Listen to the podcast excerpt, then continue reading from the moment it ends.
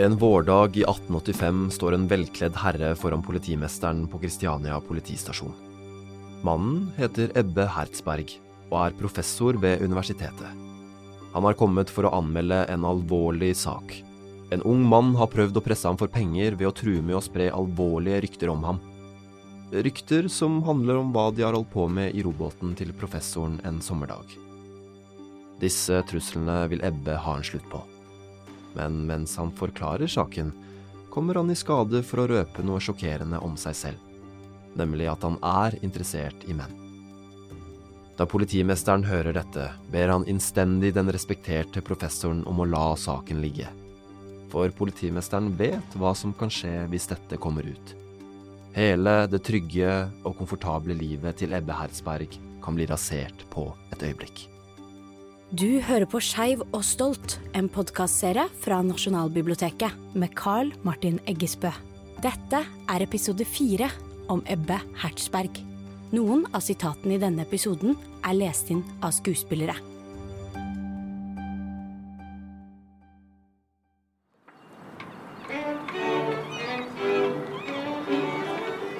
En eh, aprildag i 1847 i havnebyen Holmestrand kom Ebbe Karsten Hornemann Hertzberg til verden. Og allerede da han lå mett og varm i vugga i fornemme omgivelser, var det gitt at Ebbe aldri skulle jobbe på fabrikk, eller slite i gruver, eller gå sulten til sengs. Familien var nemlig av tysk adelsslekt, og slektstavla viste både grever og statsministre. Og både faren og bestefaren til Ebbe nøt stor respekt som byens apotekere. Og den geskjeftige apotekerpappaen til Ebbe oppfordret barna sine til å følge interessene sine, og, enda viktigere, lidenskapene. Og det gjorde Ebbe. Ebbe viste tidlig et talent for akademia, og på skolen utmerket han seg i alle fag, fra norsk til matematikk og 18 år gammel gikk Ebbe over den steinlagte plassen foran universitetsbygget på Karl Johan for å skrive seg inn som student. Mellom høye søyler og staselige møbler i mørkt tre gjorde Ebbe seg klar for å begynne dannelsesreisen sin. Han begynte først på juss, men fant fort ut at det var rettshistorie han ville fordype seg i. Og han var et skikkelig stjerneskudd. Bare tre år etter at han satte beina sine på universitetsplassen for første gang, leverte han en avhandling om aristokratiet i tidlig middelalder. Den var så god at den ble vurdert til universitetets mest prestisjefylte pris.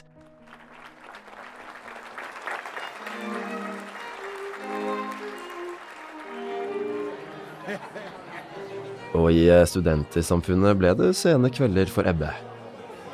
Det ble ofte intense diskusjoner rundt bordene med andre lovende unge menn, som eksempel Bjørnstjerne Bjørnson, Jonas Lie og Carl Berner.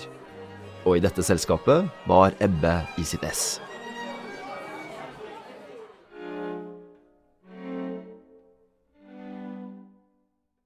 Siden han var stjerneeleven, fikk han flere reisestipender mens han studerte. Og da han var ferdig med utdannelsen, hadde han fått smaken på livet i storbyene i Europa så han pakket kofferten og reiste til Paris, der han fikk jobb som attaché ved den norske ambassaden.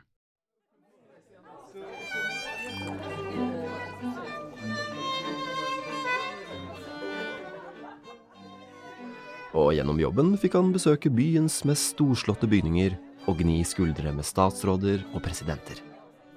I løpet av denne tiden var det også mye spennende som skjedde i vitenskapelige miljøer i Europa, og det fikk den nysgjerrige nordmannen med seg. Naturvitenskapene var i ferd med å ta over for Bibelen som fasit på hvordan verden hang sammen. Og etter to år i utlandet bestemte han seg for at det nettopp var vitenskap han ville jobbe med. Så han dro hjem til Norge, og her fikk han jobb som professor ved universitetet. Ebbe var bare 30 år, men han hadde allerede rukket å bli en stjerne.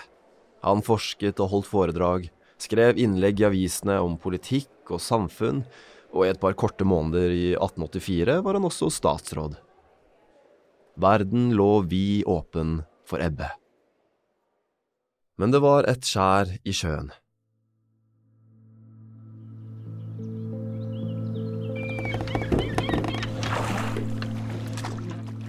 Det var noe ved den respekterte professoren som flere begynte å reagere på. Det gikk rykter om han, og noen av ryktene var ganske alvorlige på den tiden. Om sommeren pleide nemlig Ebbe å ta med seg unge menn fra arbeiderklassen ut i robåten sin. Og folk begynte etter hvert å lure på hva som egentlig foregikk der ute på vannet, blant måkeskrik og bølgeskvulp.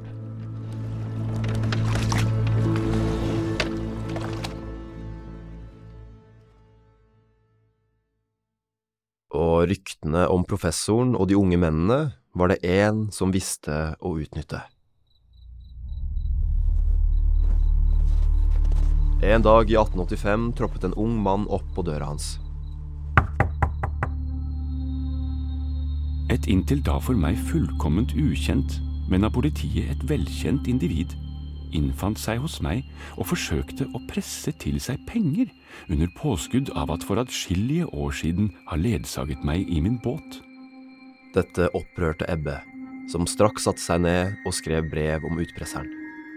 Han hadde oppdaget den nye sporten som er å presse folk for penger under nedverdigende beskyldninger av forskjellig art, men spesielt for en viss type handling som han erklærte selv å ha foretatt med vedkommende. Men dette hadde ikke Ebbe tenkt til å finne seg i. Allerede dagen etter meldte jeg saken til politiet.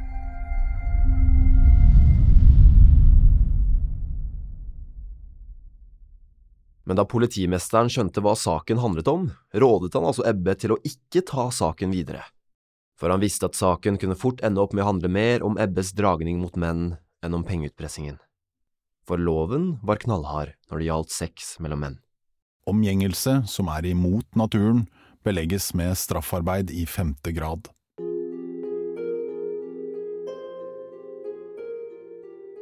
Det var ikke så ofte at denne loven ble brukt, men selve ryktene kunne være skadelige.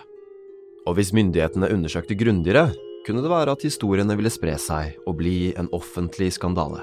Og det kunne gjøre livet enda vanskeligere for Ebbe enn det allerede var.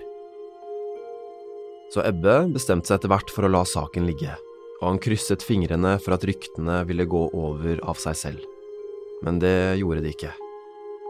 For da en annen ung mann havnet i byretten etter å ha pantsatt noen klær som ikke var hans, dukket Ebbes navn opp igjen. Den unge mannen påsto nemlig først å ha fått klærne av den fine herren Ebbe Hertzberg. Senere nektet den unge mannen for å ha nevnt Ebbe.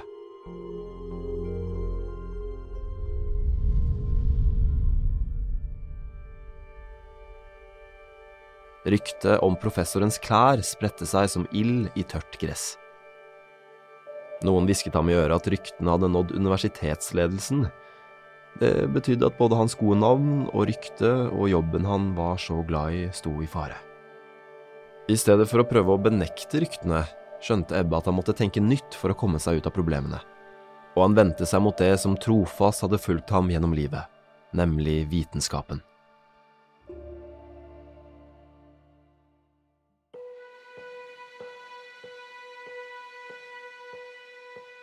Ebbe tenkte at det måtte være mulig å forklare det han førte på med vitenskap. For dette med de unge mennene handlet ikke om umoral i hans øyne, og det var heller ikke unaturlig. Det var tvert imot helt naturlig.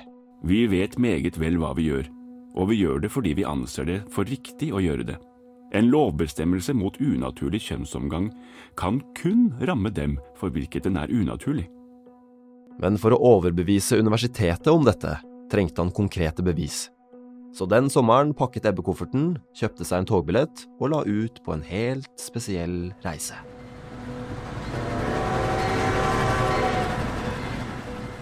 Først reiste han til Sverige, og der møtte han en psykiater som hadde forsket på kjønnsdrift. Og psykiateren skrev ut en erklæring.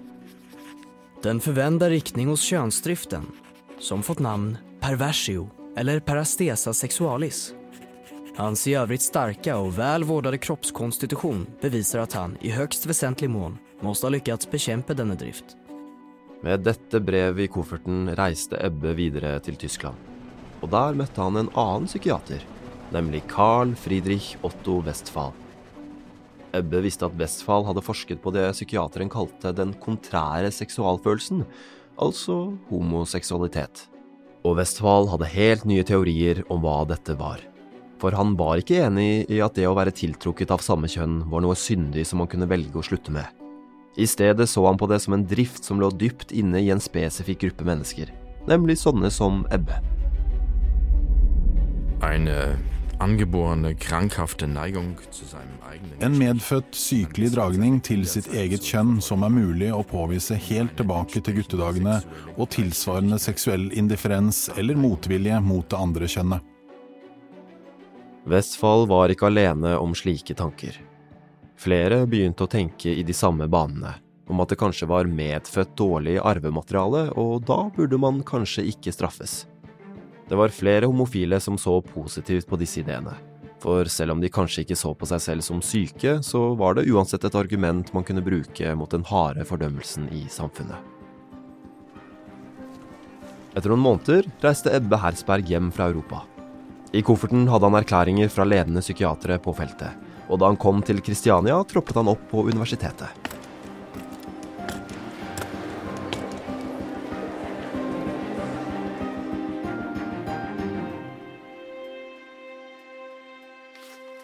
Ebbe la fram saken sin så godt han kunne, og brukte alt han hadde lært gjennom sin lysende akademiske karriere for å argumentere best mulig for seg. Han introduserte universitetsledelsen for de nye ideene, og spesielt brukte han begrepet kontrær seksualfølelse, som ingen i Norge hadde brukt før. Men universitetet var ikke overbevist. Til meg erklærte man rett ut at juristene ikke brydde seg en døyt om hva legene mente om saken. De innhentet vitnesbyrd som kunne sikre forpliktelsen jeg hadde til å tre tilbake fra min stilling som lærer for den mannlige ungdom. Det var nytteløst. Universitetsledelsen nektet å høre på ham. Han ble kalt inn på teppet, og kort tid etter kom beskjeden om at professor Herzberg skulle slutte på universitetet for å få mer tid til å forske på rettshistorie men i virkeligheten hadde Ebbe fått beskjed om at han måtte forlate stillingen som professor. Ebbe hadde tapt.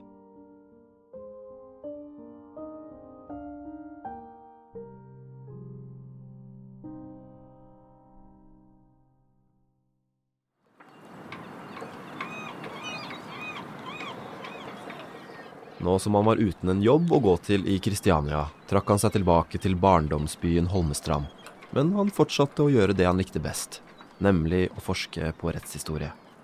Han satt stadig ved arbeidspulten og leste i fagbøker og gamle dokumenter. Han fikk ferdig et stort oppslagsverk som han fikk mye skryt for.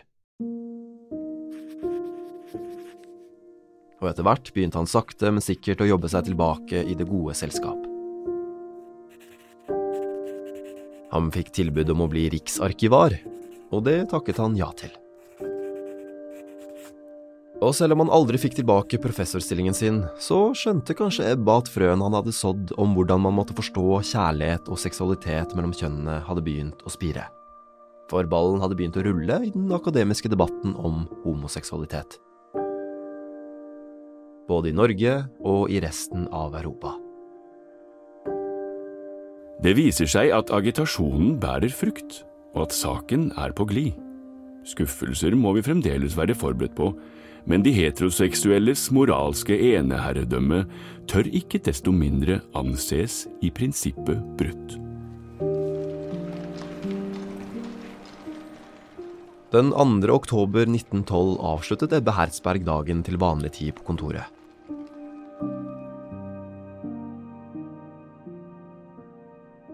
Han rakk så vidt å komme inn døren i sitt eget hjem før han fikk et slag og segnet om på gulvet.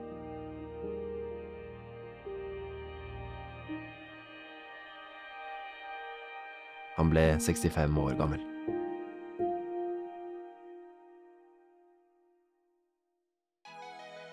Du har hørt en episode av Skeiv og stolt, en podkastserie fra Nasjonalbiblioteket. I neste episode får du høre historien om Kim Friele. En ettermiddag høsten 1959 går en ung kvinne inn dørene i en bokhandel i Oslo.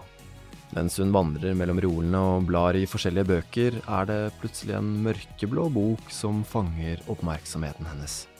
På tittelsiden står det Vi som føler annerledes. Hun sitter bergtatt til langt på natt og suger til seg hvert ord. Og når hun endelig blar om til siste side, skjønner hun at ingenting noensinne vil bli det samme igjen. Det var Carl Martin Eggesbø som fortalte historien. Skuespillere var Pål Eggen, Egil Johannessen, Erik Aubert og Hans Hinrich Tendens.